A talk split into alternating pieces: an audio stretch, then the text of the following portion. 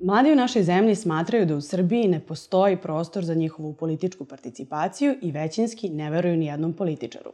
Ova saznanja donosi nam alternativni izveštaj o položaju mladih za 2020. godinu koje je nedavno objavila krovna organizacija Mladih Srbije. Danas u Oblakodarovom salonu upravo razgovaramo o mladima i političkoj participaciji sa jednim analitičarom i analitičarkom. Oni su politikolog Vuk Belebit i doktorantkinja Filozofskog fakulteta Univerziteta u Beogradu Sara Nikolić. Dobar dan i dobrodošli. E, s obzirom da vas dvoje ste stručni dakle, za ovu temu, već sam vas najavila kao jednu vrstu analitičara, ti Saro više u akademskim krugovima, Vuče, tebe često čujemo i u različitim medijima, govoriš svoje stavove veoma otvoreno. Šta vi mislite o ovom istraživanju? Da li ste imali priliku da ga pročitate i da li ono pokazuje da mlade interesuje ili ne interesuje politika? Češ ti, Sara? Da, pa mogu, pročitala sam, da, pročitala sam taj e, izveštaj i mislim, on evidentno pokazuje da mlade ne interesuje politika, odnosno da ih interesuje mrvu više nego prošle godine, jer je izveštaj rađen pred izbore i jako je važno uzeti taj kontekst i metodologiju u obzir, ali prosto mislim da to što mlade ne interesuje politika ne bi trebalo da nas iznenadi. Pa, da, Marina, ti si mene predstavila kao analitičar, ali ovaj, nekako, pošto sam dosta aktivan, što na različitim protestima tokom studija, tako da nekako mislim da imam dosta nekog i tog aktivističkog iskustva, koje mi pomaže da posmatram neke stvari, da možda bolje nekada razumem ili, ili lošije, možda sam nekada previše subjektivan u, u iznošenju nekih stavova. Ja sam video sam to istraživanje i, i neka druga istraživanja isto koje su se pojavljivalo u poslednje vreme. A, mislim da to nije ništa novo i ovo što je Sara rekla da mlade ne interesuje, mislim da to nije sad neka novost koju mi imamo ovde, ali mislim da su neki događaji koji su se desili u prethodnih nekoliko godina, neki različiti protesti pokazali da glas mladih ipak postoji. Iako mladi odlaze, iako mladi ne veruju političarima, imaju jako malo poverenja u institucije, mislim da su mladi i tekako spremni da izađu i na ulicu i da pokažu svoje nezadovoljstvo i da se možda bore za neke političke promene. Razgovarat ćemo danas o različitim vidovima političke participacije i oni koji su posebno karakteristični za mlade. Ali ono što je zanimljivo kada kažemo da mlade ne interesuje politika, šta to uopšte znači? S obzirom da je sve što se dešava u društvu zapravo s jedne strane na neki način i političko. Šta znači da mlade ne interesuje politika? Jel oni ne prate šta se dešava u njihovom gradu? Da li to znači da oni ne prate dnevnu politiku, da ne glasaju? Šta, šta sve poduhvatamo, pod, podrazumevamo pod ovim terminom? Pa ja mislim da nužno članstvo u političkoj partiji ili aktivnost kroz političku partiju naravno nije jedini način. Postoji mogućnost delovanja i kroz medije, i kroz NGO sektor, i, i individualno ali ono što jeste problem jeste, ja mislim, to što mladi, kao i mnogi građani, ja mislim, u našoj državi, nemaju osjećaj da su promene moguće, da je ono nešto zašto se bore, ono zašto se zalažu, zašto veruju, da ne vide da je to moguće da se desi. A kada ne vidite da su promene moguće, onda jako lako možete da izgubite nadu da će sutra biti bolje, a samim tim i nadu da se borite za promene. Pa, mislim, složila bih se sa Vukom nekako, pre svega kad govorimo o mladima u Srbiji, o mladim ljudima u Srbiji, to je dakle generacija rođena 90. godina i sad već 2000. godina i uzevši u obzir u kakvim su okolnostima ti ljudi odrastali, e, u kakvim su se okolnostima e, obrazovali, prosto oni su svedočili brojnim krizama, brojnih razočaranjima svojih, na primer, roditelja, starije braća i sestara, prijatelja, prosto znaju to je u pop kulturi, u medijima, u učbenicima e, prisutno. U tom smislu oni su verovatno rezignirani i razočarani i zgroženi time šta se dešava u domenu partijske politike. Kad kažemo da mlade ne, ne interesuje politika, mislim da kad nekog mladog čoveka pitate ili ih interesuje politika, on, on verovatno kaže pa ne interesuje me jer pomisli na tu stranačku politiku, na njihove neke intrige i neka potkusurivanja sitna, što ne znači da oni su u potpunosti apolitični, što vidimo po nekim protestima, nekim direktnim akcijama koje se, uh, koje se dešavaju svih ovih godina. Uh, pa u tom smislu mislim da se zapravo uh, samo treba malo bolje obrazložiti šta mislimo pod politikom ili možda malo veštije postavljati ta pitanja mladima kada pokušavamo da dođemo do njihovih pravih stavova. Da tako ja, ja bi se ovde samo nadovezao na ovo što je Sara rekla, što je vrlo važno kada govorimo o tome kako mladi formiraju ne samo stavove, nego osjećaj za neku političku borbu na osnovu iskustava svojih roditelja, starijih u svojoj porodici, zato što je, mislim, jako bitan kontekst kada govorimo o tome. Kontekst 90-ih je bio daleko drugačiji nego danas. Tada su, tada su studenti maltene u tim trenucima različitih pobuna, demonstracija, nisu imali mnogo mogućnosti kao što imaju danas. Oni su tada je maltene postojala jedina, jedina mogućnost šta da rade, to je da izađu na ulicu i da se bore. A danas je, za razliku od tog perioda, kada je revolucija bila na ulici, ja mislim da je revolucija moje generacije migracija. Zato što je mladima danas više nego ikada ranije lakše da odu negde. Oni već na osnovnim i na master studijama razmišljaju gde bi mogli da odu da završe neku godinu, a onda možda tamo i da ostanu. A kada znate da je tamo negde lakše da živite u nekom normalnom sistemu, onda ćete možda razmišljati pre da odete tamo, znajući koliko je ovde teško da se izborite za te neke promene. Dakle, kada govorimo o mladima, čini se da, evo iz vaših odgovora, da su mladi prilično odustali od politike, na jed, sa jedne strane, a s druge strane vidimo različite savremene vidove političke participacije koji nisu samo karakteristični za naš region, već na svetskom nivou, evo protesti koji su se nedavno održali u Beogradu i koji, kako čujemo, u različitim delovima sveta trenutno bukte, da li u stvari e, dolazimo do toga da ćemo u 21. veku vidjeti neke nove vidove političke participacije? Neko jasnije i direktnije izražavanje mišljenja koje je možda na ulici, na internetu, a nije samo u parlamentu? Ja mislim da, da bismo morali da to, da to očekujemo i da to pozdravimo. Mislim, prosto kao, s jedne strane imamo uh, proteste koji nisu nova stvar. Protesti postoje već zadnjih 200 godina kao legitiman vid izražavanja nezadovoljstva i postavljanja određenih zahteva, bilo da su sindikalne prirode ili su to feministički neki marševi i slično, a danas imamo proteste e, u Libanu i u Belorusiji dešavaju se trenutno. Imali smo ih u Beogradu pre mesec dana. Pored toga imamo neke druge vidove organizovanja za zaštitu i odbranu stambenog pitanja, neke vrste izražavanja uh, solidarnosti putem pripreme obroka, imamo odbranu e, reka, imali smo blokade fakulteta i rektorata, neke, da kažemo, uslovno rečeno radikalnije vidove postavljanja zaht, političkih zahteva, e, koji su mladima raspoloživi zbog toga što im ništa drugo praktično nije raspoloživo. Odnosno, ne samo mladima,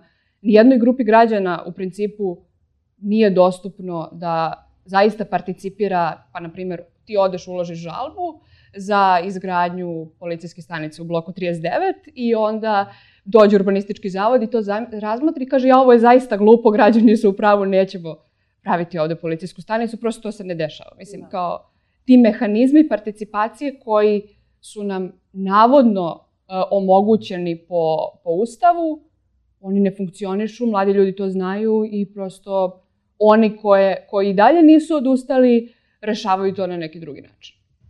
Uči, šta ti misliš? Pa ja mislim da tu nevrlo će biti nekih suštinskih promena u smislu participacije ili nekih uh, izražavanja nekog protesta, da će se to sad biti online sve. Ja mislim da će to suštinski se i dalje dešavati u nekom fizičkom, realnom prostoru, a da će možda samo ti neki metodi udruživanja, organizovanja će se seliti više na online i vidimo sada i u Belorusiji i preko ove mreže za dopisivanje Telegram, kako funkcioniše, kako se brže, lakše, zaštićenije razmenjuju informacije kada se tako nešto dešava, tako da mislim da će se više ići u tom pravcu u budućnosti. Znači, enkriptovana komunikacija i delovanje Zašto zapravo... Zašto pričamo o ovom?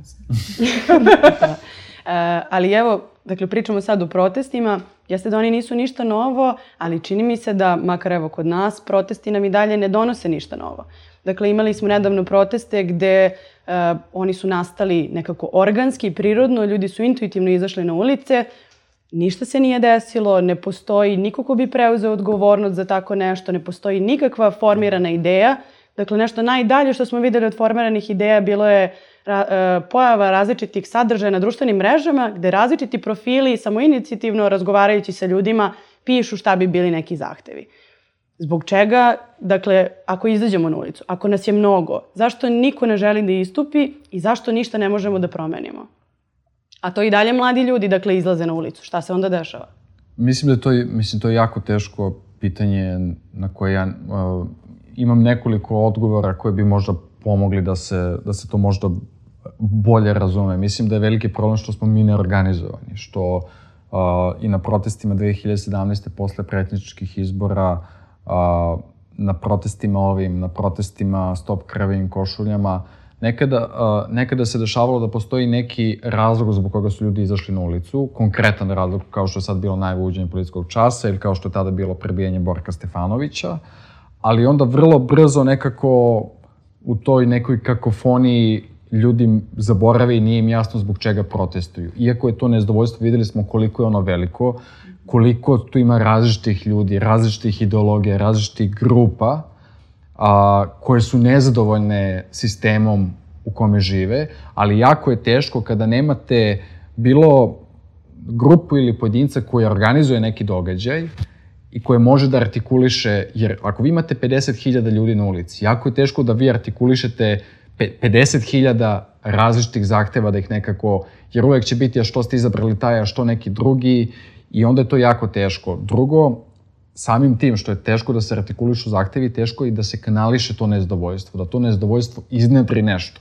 Jer ako mi samo bauljamo po ulicama i, i jurimo i urličemo, to jeste okay, to je potpuno legitimno i mi tako izražavamo svoj akumulirani bes, ali nažalost taj akumulirani bes neće da preraste, jako teško će preraste u političku podršku nekoj partiji ili pojedincu koji sutra treba da izađe na izbor, zato što se promene u 21. veku na evropskom tlu, ja mislim, jako teško će se desiti na ulici. Znači, prvo moramo da imamo izbore, pa onda ulica može da bude kao dodatak na te izbore, pritisak ukoliko imamo izbornu krađu, ukoliko imamo, ne znam, nija šta, šta drugo. I to je veliki problem što smo sebi danas našli u toj situaciji da imamo političke partije i političare kojima ne verujemo, a, to nezadovoljstvo je mnogo veće od bilo koje političke partije ili bilo kog političara, tako da niko od njih ne može da stane na čelo kolone i ne može da vodi ulicu, nego ulica vodi političare.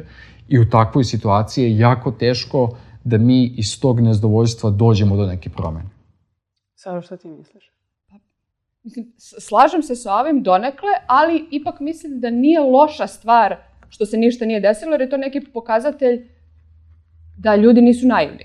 e, u smislu da prosto ljudi su prestali da veruju da ćemo mi sad da se skupimo, da ćemo da napišemo neke zahteve, da će iz toga da se stvori neka ekipa koja je kao ok i koja je nova i onda će sve da bude ok jer će oni da izađu na izbore prosto u jednoj toliko represivnoj klimi. Ljudi su prestali da veruju da stvari mogu da se dešavaju e, tako spontano i da su ti nemiri, ja ih ne bi ni nazvala protesti, nego pre nemiri, uh, jedan legitiman način iskazivanja nezadovoljstva i da to što su ljudi uh, i bili toliko različiti tu, o čemu se dosta i diskutovalo na internetu, i što su se tu razni, razne vrste zahteva plasirale, razne vrste narativa pokušavale da uh, zauzmu neki medijski prostor, zapravo ne mislim da je ništa loše, jer je pokazatelj toga s jedne strane da ljudi nikome ne veruju, prosto od uh, političara i opozicije koja je nedovoljno uh,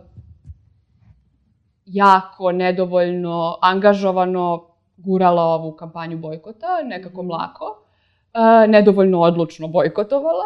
Uh, s druge strane, svi su to već neki ljudi koji su već poznati, u koje su ljudi već razočarani, u koje sumnjaju. Samim tim jasno je da ne žele da im predaju vođstvo i glas, pa ni da ih prepuste da vode te izbore. U tom smislu, to što su se protesti, da kažemo, raspali, može biti neki, možemo biti optimistični pa ga tumačiti kao neki znak nekakve zrelosti u smislu uh, nismo više tako naivni. A s druge strane, nekako je i, da kažem, delo je kao da smo u situaciji koja je neizbežna i iz koje ne znamo kako da se iskobeljamo, jer ne postoji niko ko se, uh, da kažem, istakao u i pogotovo u ovim protestima, a znamo koliko imamo različitih političkih opcija, ne samo stranačkih, već i drugih. A ono što si sada pomenula jeste taj online prostor. Kada su bili u toku ovi protesti, e, jako puno se debatovalo baš na tim društvenim mrežama. I ovo istraživanje od koga smo započeli ovaj razgovor je pokazalo da se mladi najviše u stvari informišu i generalno, ali i o politici na internetu. E, šta vi mislite o tom vidu i informisanja i razgovora s jedne strane, jer se čini da nekako svi i u tom internet prostoru funkcionišemo u okviru svojih nekih zatvorenih, da kažemo, balona, babala, gde mi samo vidimo ono što je nama blisko, a zapravo više ne vidimo šta je kompletna scena. Kako je vaše mišljenje? To je definitivno mač sa dve oštrice. S jedne strane, vi nemate mogućnost da se informišete legitimnije na neki drugi način, kao šta da uzmeš da čitaš novine, gledaš TV, slušaš da. radio. Mislim, nije da ćeš dobiti bolje informacije na nekom mainstream kanalu informisanja. S druge strane, na internetu možeš da porediš izvore ukoliko si angažovani čitalac, pa ćeš da proveravaš informacije, diskutuješ sa različitim ljudima, eh, a možeš i upasti u tu zamku zatvaranja u neki svoj uh, mehur i stvaranja neke uh, lažne optimistične ili lažne pesimistične ili prosto iskrivljene slike stvarnosti, ali opet mislim da i to nije uh, zabetonirano. Prosto uh, uvek postoje ljudi koji su spremni da diskutuju i stavovi se menjaju i ljudi, neki ljudi, mislim, prosto mislim da je internet uh, komunikacija i u, u svoj nekoj osnovi mnogo demokratičniji vid informisanja od ovih uh, jednosmernih vidova uh, informisanja kakvi su televizija, novine, radio i tako dalje. Prosto ne dereš se na televizor kao tvoj ćale, nego se svađaš sa drugom iz oslovne, a možda ga čak i blokiraš jer te je iznervirao jer je fašista, pa je to neki mikropolitički čin. Mislim, da. uh, to može da stvori lažnu sliku da ti nešto zaista radiš i da si ti neki sad tu ono tastatura ratnik. Ali uh, u svakom slučaju mislim da je ponovo dobra strana toga da ljudi imaju priliku da komuniciraju ukoliko to žele i da vežbaju svoju argumentaciju. Tako da... Naravno. Ja ne bih sad da se ponavljam zato što se najvećim delom slažem s ovim što je Sara rekla. Ono što ja, što sam primetio kao više nego ikada ranije na Twitteru gde sam lično najaktivniji, mislim da je trenutno na snazi jedna politika is, uh, isključivanja. Odnosno da ako govorite, ako ste kritični, na primjer, prema vlasti, vi prolazite na neki način kroz toplog zeca vlasti ukoliko ste više kritični, ukoliko imate više prostora ili vas napadaju botovi.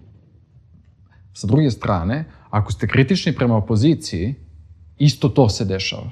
Znači, ja sam primetio da vi sada imate botove i sa strane opozicije, da imate jake napade ukoliko kažete nešto što se ne sviđa nekome. Tako da vi maltene, ukoliko želite nekako da malo objektivnije ili realnije posmatrate ono što se dešava i da to govorite i da kritikujete jedne i druge, vi ste zapravo nekoj paljbi sa jedne i sa druge strane i jako brzo na društvenim mrežama plane ta diskusija, jako brzo, znači ljudi se toliko vređaju, ne znaju jedni druge. Mislim da to uh, uglavnom proizlaze iz tog nepoznavanja. Mm Zato što je mnogo lakše nekome da kažete kada nekoga ne znate, nego kada znate pa vam je možda malo glupo ili znate kakva je ta osoba ili ne znam nije šta treće. Tako da je, mislim, jako je, a, koliko je, koliko je s jedne strane Twitter i društveni mediji su najslobodniji mediji, sa, dru, sa druge strane su to jako toksični mediji. I onda lako upadate i u taj bubble i, lak, i može da vam se desi da nećete da iznesete neki stav zato što znate šta vas čeka, zato što pa smrzi da se posle ceo dan ganjate sa nekim ljudima po Twitteru, da odgovarate i da trošite svoje vreme. Sve o čemu razgovaramo u okviru ovog razgovora nekako deluje više negativno nego pozitivno, a opet vas dvoje imate svoja politička mišljenja, delujete na različite načine, Saro ti pogotovo i u tim akademskim krugovima baviš se različitim istraživanjima, uče ti e, M pišeš, M rado govoriš na televiziji, kako vi birate, e, to jest na koji način vi delujete u tom političkom smislu? U svemu tome, dakle, klima je potpuno nepovoljna, ne postoji nikakva jasna struja, ne postoji ni konkretan prostor, prosto ne znamo šta da radimo. Evo, iz perspektive dve mlade osobe, gde vi tu pronalazite prostor za sebe? Saro? Da, da, Ko će pre... Pronađi prostor. uh, uh, pa mislim da se ja u tom smislu klasičan onaj milenijalac o kom sam malo pre pričala, da mi je prosto uh, gadna stranačka politika, ali politika i dalje važna i, mislim, uh, neodvojiv deo uh, postojanja, mislim, u ovoj državi, u društvu, kako god. Uh, I da mi je na neki način uh, praktikovanje i angažovani razni činovi koji su u skladu sa nekim vrednostima za koje se ja lično zalažem, za koje verujem da, na kojima verujem da, treba, da bi trebalo jedno društvo da se temelji, uvek bliski i podržala bih aktivnosti, na primjer, nekih pokreta koji se bave uh, tim stvarima. Nebitno da li ja uh, sam, na primjer, ne znam, sada bih podržala, to jest podržavala sam Mame su zakon, iako nisam majka niti trudnica, ali verujem da je socijalna zaštita trudnica i porodilja veoma važna. Uh, ili, na primjer, sada za vikend nam predstoji ovaj skup na Staroj planini koji se bavi temom zaštite prirodnih dobara, koji bih takođe uh, veoma podržala i pozdravila i veoma se interesujem za tu temu. Takođe, kad su bili u Beogradu, Zimus Ne dajmo Beograd, kada je organizovao proteste za oko kvaliteta vazduha, takođe sam bila prisutna na, na tim protestima i podržavala ih uh, nezavisno od toga uh, da li sam uh, članica tog pokreta ili ne. Prosto to, to je neka stvar koju ja prepoznajem da je važna i oko koje želim da dam svoj doprinos kao, uh, kao, uh, že, kao, kao žena, kao Uh, antropološkinja, kao aktivistkinja, šta god. Uh, najviše sam trenutno aktivna u tom kolektivu Solidarna kuhinja, gde je to prosto direktna akcija, gde smo tokom korone počeli da pripremamo obroke uh, za ljude koji su gladni prosto. I to, je, to se u potpunosti temelji na nekim vrednostima koje su bliske ekipi koja je pokrenula to. Dakle, neka maksima uh, organizacije Solidarnost, a ne milostinja, gde su ljudi prosto praktikuju kao ti odvajaš svoje vreme ili svoj novac, ustupaš svoju kuhinju i ti kuvaš hranu uh, koju deliš sa ljudima. I to je prosto kao, mislim, uh, posledica tog razočaranja u mainstream politiku da se ide ka ne, nečemu toliko opipljivom gde ti gde ti je jako važno da ti uradiš nešto i vidiš rezultate. Pa imaju sadnje stabala, mhm. čišćenja, uh, nekih prostora zapuštenih ili ne znam, ove prijave kada su bile sada za Košutnjak, pa ti vidiš gomilu nekih papira koji se predaju direkciji za izgradnju i, i kao vidiš konkretne rezultate, glasovi su nekako postali previše abstraktni i ti si kao to nešto kao glasao ili si se nešto malo iscimao, ali ti nemaš nikakvog dodira zapravo E, sa onda tom politikom koja će se u tvoje ime sprovoditi. I mislim da ja pripadam definitivno toj generaciji koja želi da bude mnogo više angažovana, mnogo neposrednije angažovana za možda neke e, stvari na, e, na lokalnom nivou ili nižeg ranga. Pre nego što evo Vuk odgovori, e, ti postavim pod pitanje, kakva je pozicija žena kada govorimo o toj političkoj participaciji? Evo ti si žena, E, da li se ona razlikuje u savremenom svetu od pozicije muškaraca? Pa, mislim, čim, čim moraš da me pitaš to, znači, jasno da. je da, da nešto ne valja. Prosto mislim da je uh, pozicija žena, mladih žena pre svega, u bilo kom profesionalnom okruženju prepuna raznih vrsta izazova. Dakle, ja sad kao dolazim ovde da nešto pričamo na plus 40 i pazim šta ću da obučem, jer ako je nešto mnogo otkriveno, možda me neko ne shvati ozbiljno. Ili dalje razgovaramo o tome. A, a, i dalje, da. a i dalje razgovaramo o tome. Mislim, strašno je. S druge strane, uh, žene su u, u našoj politici prisutne na jako visokim pozicijama, što ništa nije uradilo značajno za položaj žena uh, u ovoj zemlji iz prostog razloga što, mislim, ja ne verujem da lično svojstvo nekoga, bilo da je to uh, rod ili seksualnost ili pripadnost nekoj manjini, nekoga kvalifikuje da sprovodi određenu politiku, već prosto politika koju, koju sprovodi i rezultate koje, e, koje donosi. S te strane vreba jako velika opasnost da se e, žene tokenizuju ili ne znam prigodniji izraz za to. Evo, imamo neku kvotu, imamo neke mm. žene da se slikaju, stoje tu, nisu samo muškarci. Imamo neke mlade sad u Skupštini, nisu samo neki, nije samo gerijatrija veće staraca. Imamo neke manjine. Uh, prosto mislim da je to uh, jedna jako velika opasnost te predstavničke demokratije koja vreba da ti imaš tu nek, neku, neku fasadu, neke marionete, a nije važno šta će, šta će se sprovoditi. U tom smislu mislim da je uh, da ne smemo da odustanemo od zahteva za, za kvalitetom i, i društvenim interesom uh, politike koja će se sprovoditi, a ne za nekakvim uh, brojkama poslaničkih mesta i slično.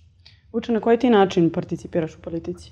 Pa mislim da, uh, iako je dosta možda zvučalo negativnije nego pozitivnije kada govorimo o učešću mladih u politici, u javnom životu, uh, ja mislim da zaista to je vrlo verovatno individualna stvar, ali mislim da onaj ko želi da učestvuje na neki način, bilo da piše, da govori, da bude aktivan u nekoj inicijativi, da predloži neku inicijativu, mislim da je to moguće i da postoji prostor za to. Samo zavisi od tebe, od tvojih prijatelja, da li želite neki način da se uključite.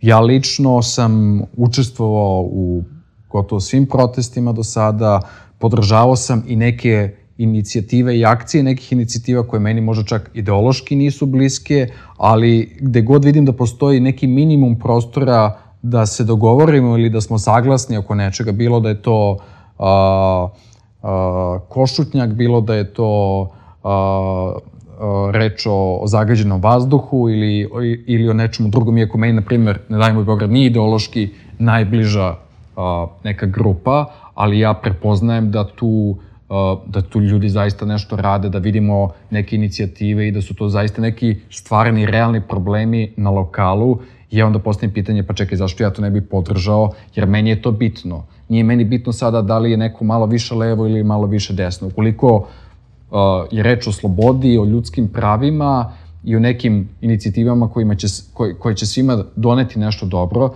mislim da je to nešto što treba da se, da se pozdravi.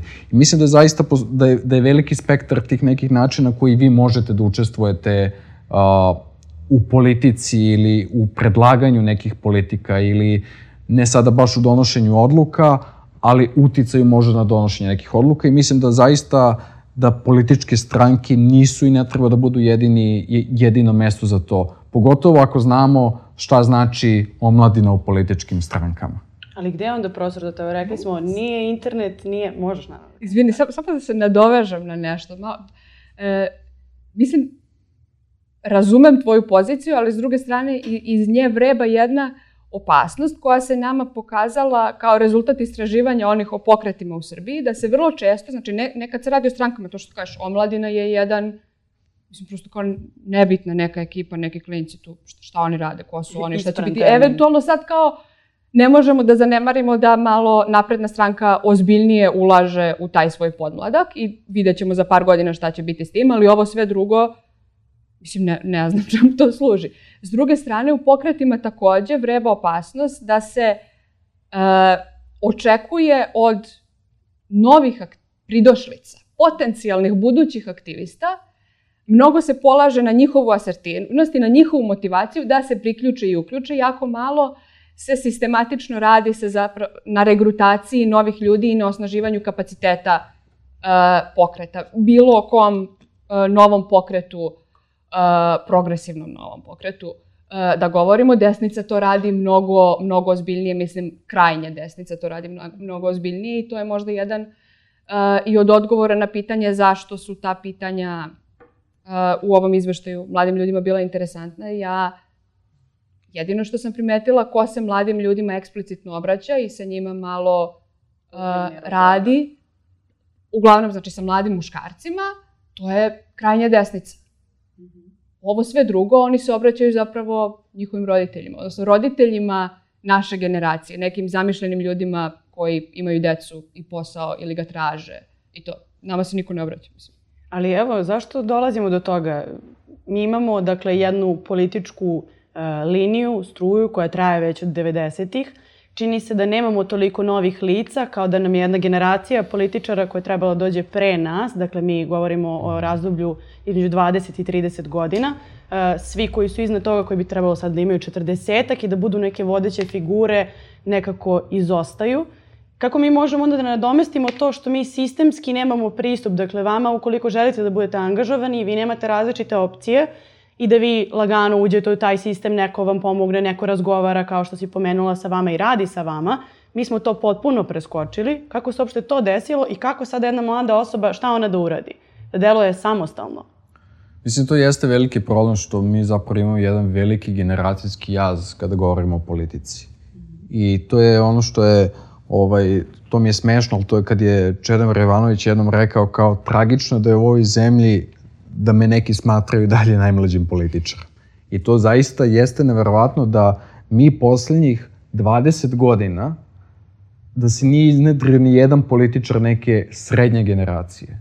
I onda to posledica toga je da vi imate uh, toliko nerazumevanja između sada milenijalaca, dece rođenih, to jest, mislim, nije dece, ja sam 94. godine rođen, ali i, i političara koji imaju, uh, koji su aktivni poslednjih uh, 30 godina. Ali mislim da to isto tako pokazuje da uh, uprkos tome što postoje omladine u tim različitim strankama, to znači da neko iz tih omladina trebao da napreduje pa da bude negde, pa mi, mi da vidimo tu neku osobu, to samo pokazuje koliko, to nije, koliko se to ne dešava i koliko kada ovde se stalno govori o toj potrebi za novim licima. Ja mislim da je okej okay da postoji neka sinergija starijih i, i mlađih, ali ta nova lica videli smo da to nešto ne funkcioniše baš najbolje. Šta se dešava? Pa mislim da se dešava to što, uh, mislim, politika je ovde vrlo jedna interesna stvar u našoj zemlji i da vi kada imate situaciju da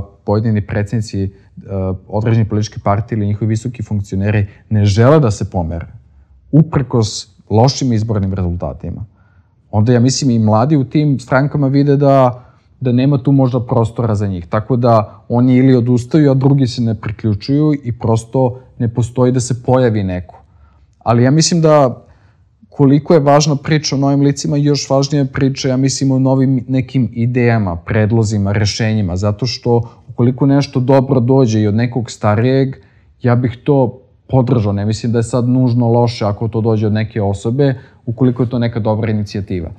Ali, ali mislim da isto tako, ovaj, kada, baš sad kad, kad, kad ste pričali o desnici, na primjer, zašto je ta desnica i danas tako uh, jaka, tako lako regrutuje, pa sada na ovim protestima su mnogi postavljali pitanje Kosova deca koje viču uh, Kosovo je srce Srbije, koja tamo lome, uh, ok, neka viču, sve, sve to ok, mislim, dokle god nije sad neka primjena nekog ovaj, nasilja koje može nekoga da povredi. Ali šta se dešava? Niko Pogledajte naše obrazovanje, ko se bavi tim generacijama, gde, šta je ovde mainstream? Tabloidi su mainstream, Balkan Info je mainstream. Ok da postoje takvi kanali, ali u nekim drugim zemljama takvi kanali ne bi bili mainstream, vi biste imali mnogo kvalitetniji sadržaj. Tako da mislim da je to uh, u tom periodu tranzicije gde smo se samo bavili time da izađemo iz toga, da dođe do nekih promjena, mi se uopšte nismo bavili mi, mislim na nas, mi se nismo bavili sobom, stariji se nisu bavili nama i onda, i onda sad postavili danas pitanje pa kako to? Pa eto što ste radili poslednjih 20 godina. Sara, šta ti misliš? Da li mi u stvari sad imamo šta, preskočenih 20 godina i onda dočekuje mlade da sami grade sve od nule? Što isto okej. Okay. Pa, da, da, mislim, s jedne strane imaš kao, uh, ne znam, uh, nekakvu političku scenu u zemlji koja je to uh, ukotvila se jako duboko i ne menja se nikako. Imaš političke lidere E, opozicije koji su vrlo čvrsto u svojim foteljama, simbolički, i prosto ne dopuštaju neku fluktuaciju mladih ljudi. Mladi ljudi ne osjećaju da je to prostor za njih i onda traže neke druge kanale ili ih ne traže. Osim toga, ja mislim da je zbog svega toga kako politika izgleda kod, nja, kod nas zadnjih 30 godina, Eh, nezanemarljivo to što je baviti se politikom prljav posao. To je, to je ružna stvar i uh, istraživanja pokazuju da dakle mladi ljudi vrednostno to jako nisko rangiraju. Bilo da je reč o parlamentarnoj politici ili je reč o čak i o nekoj vrsti građanskog aktivizma, mladi ljudi to percipiraju kao neki karijerizam, nekakvo laktanje, mm. nekakav oportunizam, a nemaju nikakvu podršku. Vi imate, na primer, uh, studente koji se pobune i izađu na ulice jer ne žele da budu izbačeni iz studentskih domova, profesori koji bi trebalo da ih podrže, na mrežama su u fazonu, ma to su samo njihovi partikularni interesi, oni ne vide dalje od svog nosa. Ljudi uzmu, ne znam, e, blokiraju rektorat zbog pitanja e, doktorata Siniše Malog, oni su u fazonu, ne, ne, sumnjiva je to priča, mora da oni hoće tu nešto drugo. Ljudi uzmu, zalažu se za besplatno svima dostupno obrazovanje, blokiraju nekoliko fakulteta u zemlji, oni su u fazonu, e, ovo su oni večiti studenti, nikad ništa od njih neće biti, umesto da se bore za, ne znam, reviziju bolonjskog sistema koju ti profesoristi sprovode i ne podržavaju. Da. Roditelji ih ne podržavaju jer su verovatno ili razočarani, ili ucenjeni, ili u nekakvom strahu za izvesnost svog posla i budućnosti svoje dece. Samim tim ljudi kao nekoliko puta nešto probaš ili tvoja generacija, neko tebi blizak nešto probaš, ne, nemaš podršku ni sa jedne strane, samim tim napunit ćeš 30 godina i uh, bavit ćeš se samo sobom ili ćeš otići odavde. Osim toga, ne možemo ni da zanemarimo taj jedan ono hiperindividualistički narativ u kom su te generacije odgajane i vaspitavane sa nekim idealom da ti sad ono, useju svoje kljuse i da budeš sam svoj gazda i to je najvažnije na svetu i onda izrastati čovek koga ne zanima ništa osim njega i onda ga kriviš kao pa kako to sine tako pa mislim Da, čini se da je pitanje odnosa mladih i politike ipak e, stvarno generacijsko pitanje i toga što je ne samo u Srbiji aktualno, već i na svetskom nivou. Ali evo, nadamo se da ovakvi razgovori mladih ljudi koji imaju šta da kažu mogu da podstaknu mlade na neko ozbiljnije razmišljanje i mi se nažalost i približavamo kraju našeg razgovora. Ali evo, da li biste za kraj mogli da kažete ukratko e, kako možemo da motivišemo mlade? šta, kako oni da osete tu želju da učestvuju u politici i da razumeju da u stvari ono što je politička participacija jeste u stvari građanje njihovog života i nečeg što je u stvari njihovo društvo gde bi trebalo da ostanu da žive. Ne znam, ne bi sada dajem kao neke sada ovaj, Neka motivacione poruke, ali mislim da je zaista da nemamo više vremena uh, da budemo neodlučni, nemamo više vremena da se oslanjamo na političare starih generacija. Mislim da je danas zaista vreme da mi počnemo da gradimo nešto novo, a, zato što nas stariji ne razumeju, zato što oni imaju svoje interese, a, ja ne želim da budem deo tih nekih interesnih igara i zaista mislim da oni koji žele da ostanu da žive u Srbiji i koji žele da se bore za svoju sudbinu ovde i za sudbinu svoje dece sutra, mislim da zaista treba na različite načine možemo da se udružimo. Uh, mislim da imamo ogromne kapacitete da ovde stvorimo da Srbija bude daleko bolje mesto za život nego što uh, danas jeste, ali to zaista zavisi od, uh, i od tebe, i od Sare, i od mene, i ovde od ovih devojaka iza kamera, i od Tonca koji sedi ovde, tako da mislim da zaista je na nama da gradimo uh, neku bolju budućnost u kojoj ćemo živeti u Srbiji. Ipak je ispao motivacijni govor.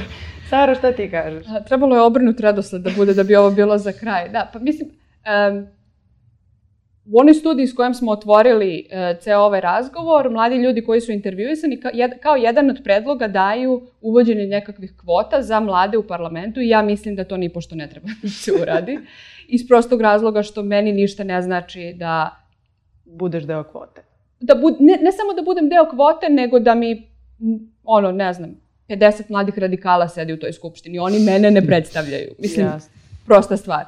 Dakle, radi se o vrednostima. U tom smislu, mislim da je na mladim ljudima uh, da na nekakvim vrednostima uh, kakvim smatraju da društvo treba uh, da bude izgrađeno, temelje svoj angažman u, svo, u svojoj zgradi, u svom kućnom savetu, u svojoj lokalnoj zajednici, u svojoj porodici, što je takođe veoma važno političko pitanje, u svom bliskom krugu prijatelja, na fakultetu i na taj način kao očekujem da će se stvari snowballovati mm -hmm. do nekakvog šireg društvenog angažmana, a nezanemarljivo je takođe i pitanje e, obrazovanja i emancipacije na tom putem školskog sistema gde prosto e, moramo se mi kao uh, naučni radnici, akademski radnici takođe za, zalagati za uh, kurikulume koji će omogućiti uh, je progresivno obrazovanje uh, da bismo stvarali nove generacije, možda za nas kasno, ali možda za zoomere nije,